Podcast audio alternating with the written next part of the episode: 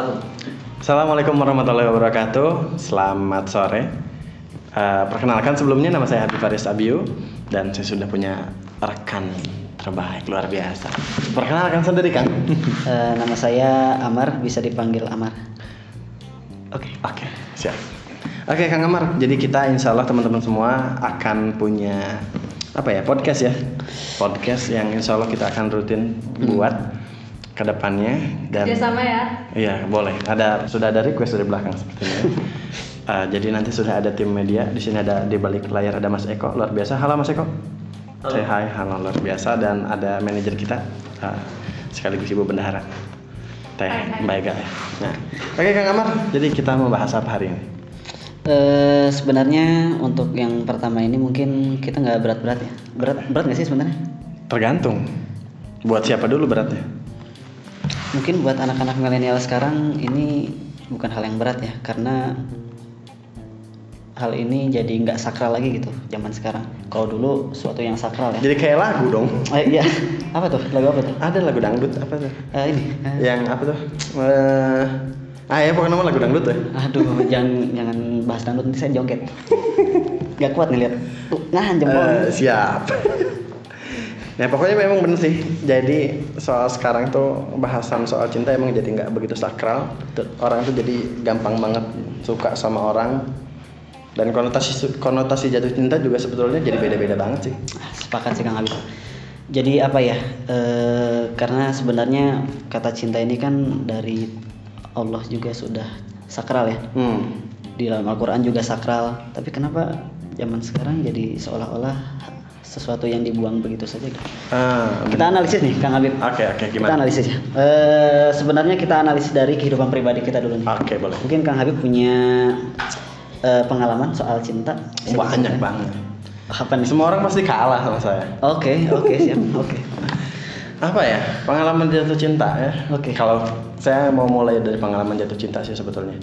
Kalau saya sih pertama ngelihat orang uh, semudah ngelihat fisik sih sebetulnya ya karena mau tidak mau uh, hal karena saya orangnya visual banget ngelihat orang cantik dikit saya senang.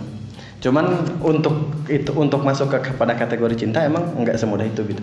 Kayak misalnya ngelihat uh, siapa yang cantik ya misalnya dia gitu ya hmm. saya nggak mau sebut nama. Ada orang nih perempuan lewat cantik. Cantik. Saya suka tapi sukanya hanya sebatas senang ngeliat aja senang ngeliat tertarik aja gitu ya? Tertarik. Okay. nggak sampai ke pada ranah wow saya jatuh cinta sama dia nggak gitu. Oke. Okay. itu yang paling mendasar soal konotasi saya soal saya suka sama orang. Terus masuk ke cinta ya banyak banget sih ya. Apalagi di umur yang apa ya tua enggak muda juga lumayan umurnya di bawah under 30 sih Kang Habib iya, ini benar. BTW 18 tahun.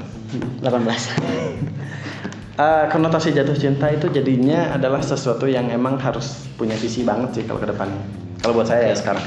Kenapa? Karena mikirinnya adalah saya punya sesuatu yang udah terbentuk saat ini. Ditambah ada nggak sih orang yang bisa jalan bareng dengan visi saya? Kalau saat ini sih kayak gitu. Kalau dulu sih emang lebih ke alasan receh ya.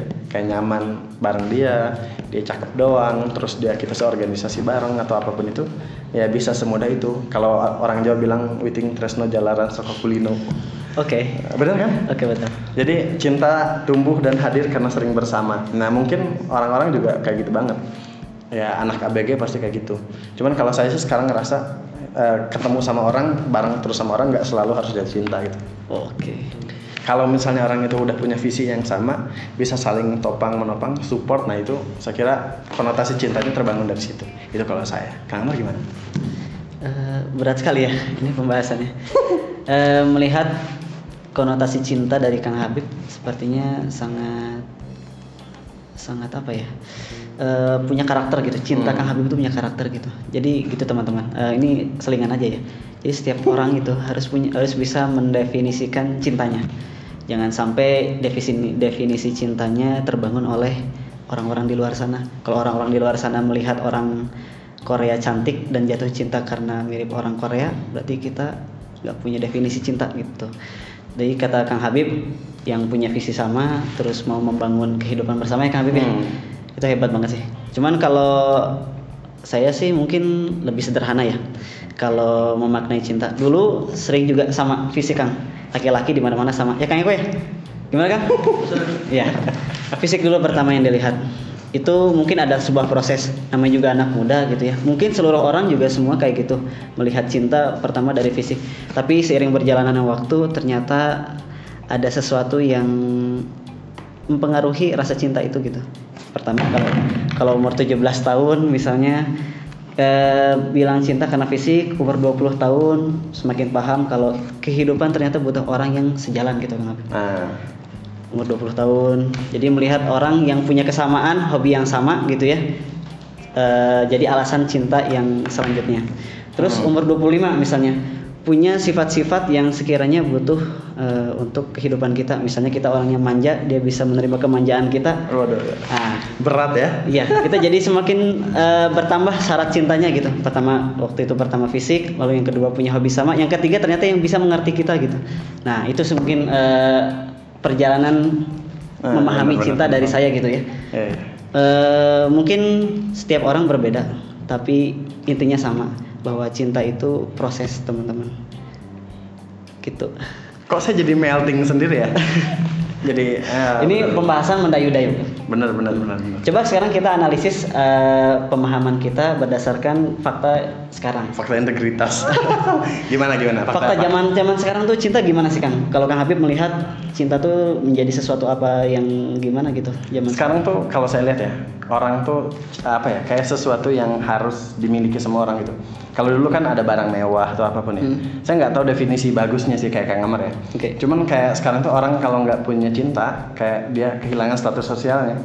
Berarti Jadi kayak cinta itu adalah status sosial. oke oke. Jadi semua orang harus jatuh cinta, harus punya mengapre, meng apa ya, mengekspresikan cintanya supaya dia punya status sosial yang sama dengan orang lain. Oke. Bukan bukan cuma urusan dia jomblo atau enggak sih sebetulnya. Lebih karena uh, dia ngeras dia punya seseorang yang dia cintai dan harus dicintai. Bukan karena dia punya pacarnya, tapi ada sesuatu yang harus dia banggakan pada orang lain bahwa ada orang yang memperhatikan dia dan ada Oke. yang dia perhatikan. Kalau dulu kan uh, ledek-ledekannya cie jomblo gitu ya, Hmm. cie nggak punya pacar atau apa pun. Tapi sekarang tuh yang di share ke umum adalah bagaimana apa ya uh, kehidupan mereka ber apa ya bercinta ya mengekspresikan cintanya gitu kayak uh, sering nggak sih ngelihat kayak kita ngelihat orang-orang yang ngepost di story uh, lagi video call sama pacarnya Oke. atau uh, nge-share soal jalan-jalan sama istri atau suaminya. Jadi sebetulnya cinta saat ini itu adalah lebih kayak, kayak status sosial dan orang tuh kena tuntutan untuk itu gitu kalau sekarang. Beda ya nggak se kayak orang tuh malu kalau punya pacar atau pasangan Tapi- atau istri atau suami yang misalnya status sosialnya di bawah atau misalnya dari segi fisik enggak Oke. nggak apa ya nggak istri able gitu ya Oke. nggak suami able Oke.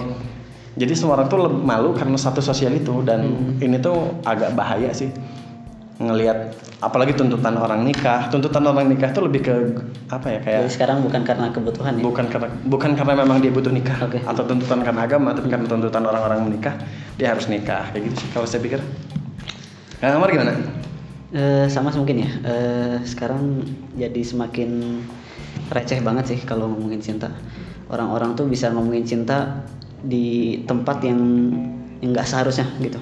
Kayak misalnya nih, eh, kita kita ngomongin cinta di di medsos misalnya ya, ah di medsos. Eh, pernah nggak sih Kang eh, dalam satu masa Akang selama hidup nih ya merasa malu saat Akang mencintai seseorang?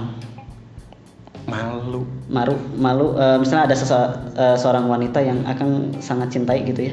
Dan akan malu untuk orang lain tahu atau perasaan akan diketahui orang-orang tersebut gitu? Ya pernah lah. Pernah ya? Eh, maksudnya gini karena cinta itu kan nggak sembarangan ya. Hmm. nggak sembarangan gitu. Nggak sembarangan berarti tempat-tempatnya waktu-waktunya juga nggak sembarangan gitu. Kalau misalnya ciki-ciki yang murah pasti semua toko ada misalnya ya tapi kalau Ah. makanan yang mahal tempatnya khusus gitu supermarket terus di- Supermarket. supermarket ya. atau di restoran gitu ya jadi gini loh eh, saat kamu punya cinta merasakan cinta kenapa sih nggak pernah dipikirin dulu bahwa kamu tuh cinta atau pengen gitu atau suka gitu. Atau perasaan pernah nggak sih mikirin kalau itu tuh bukan cinta gitu? Ya kayak Dik tadi sebetulnya ya, kayak Hmm. tuntutan tuntutan sosial supaya dia tuh harus dicintai dan mencintai nah gitu. iya betul. Pernah nggak sih mikirin eh, saat lu merasakan cinta kamu merasakan cinta gitu ya? Itu beneran cinta nggak sih? Gitu Hmm. loh. Karena orang-orang zaman dulu pujangga zaman zaman dahulu saat merasakan cinta mereka tidak me- mem- mempublikasikannya ke orang lain gitu. Tapi melewat tulisan dan melihat bintang-bintang misalnya. Kenapa? Karena cinta itu nggak nggak murah gitu. Nah, benar benar. mahal. Berarti tempat untuk mengungkapkannya juga mahal gitu. Bah, itu sih sebenarnya yang saya lihat ya sekarang. Berarti apakah kata cinta itu semakin murah? Men- jadi ada degradasi nilai nih soal. Betul betul. Degradasi nilai.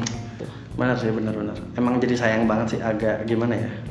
Entah karena tuntutan, karena memang ada zaman yang semakin berkembang jadi kayak gini, oke atau emang ada faktor-faktor lain sih sebetulnya bisa jadi. Tapi ya kayaknya sih emang milenial ditambah ya sosial media makin menjamur.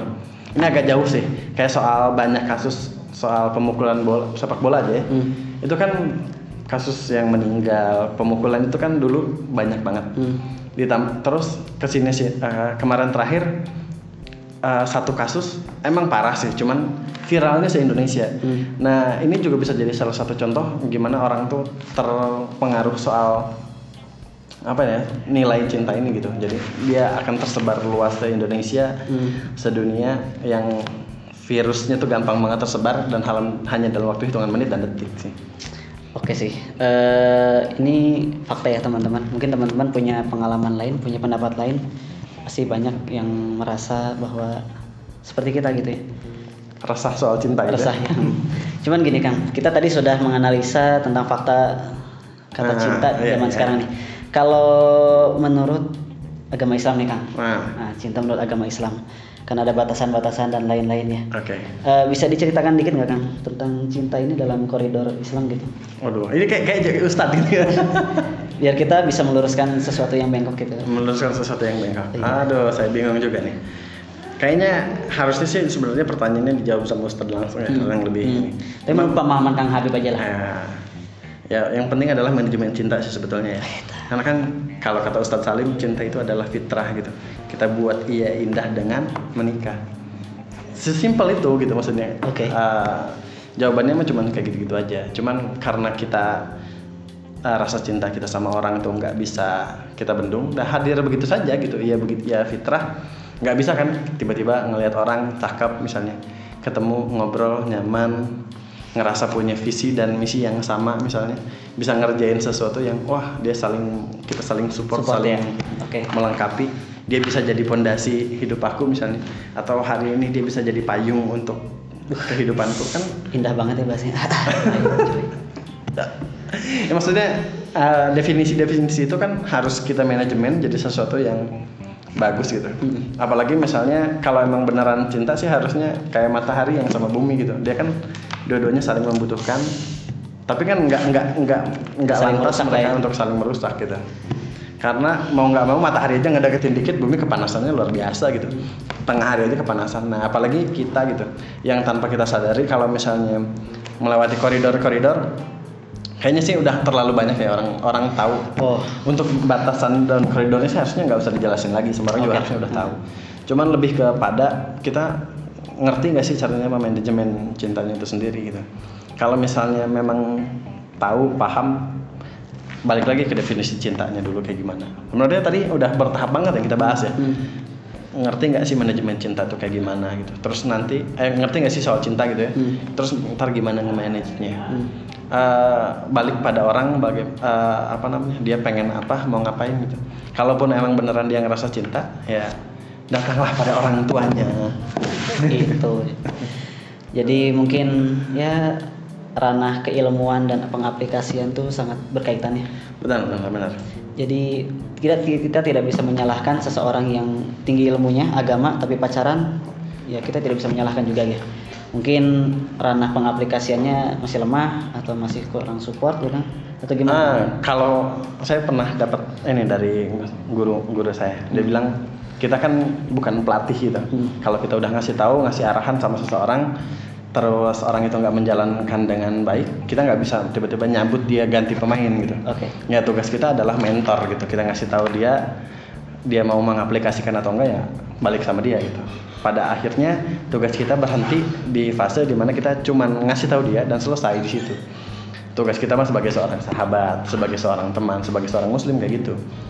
Berhenti di situ aja gitu. Toh kalau dia nggak benar di lapangan prakteknya ya Hmm. tugas ke dia. Mangga aja itu mah ya. Nah, itu. Apalagi sih banyak tren sekarang kayak kajian ini jadi pacaran syariah sebetulnya. Karena saya sering banget tuh apa namanya? Ini teman-teman di kampus saya sebetulnya. Eh, kajian jadi pacaran syariah. Jadi per- saya pernah negur seseorang dan ditegur seseorang Hmm. soal eh, apa namanya? kayak eh, ngaj- ngajak orang ke kajian gitu. Dengan modus-modus ya modus operandi ya tau lah ya. Iya, oke. pemain gitu.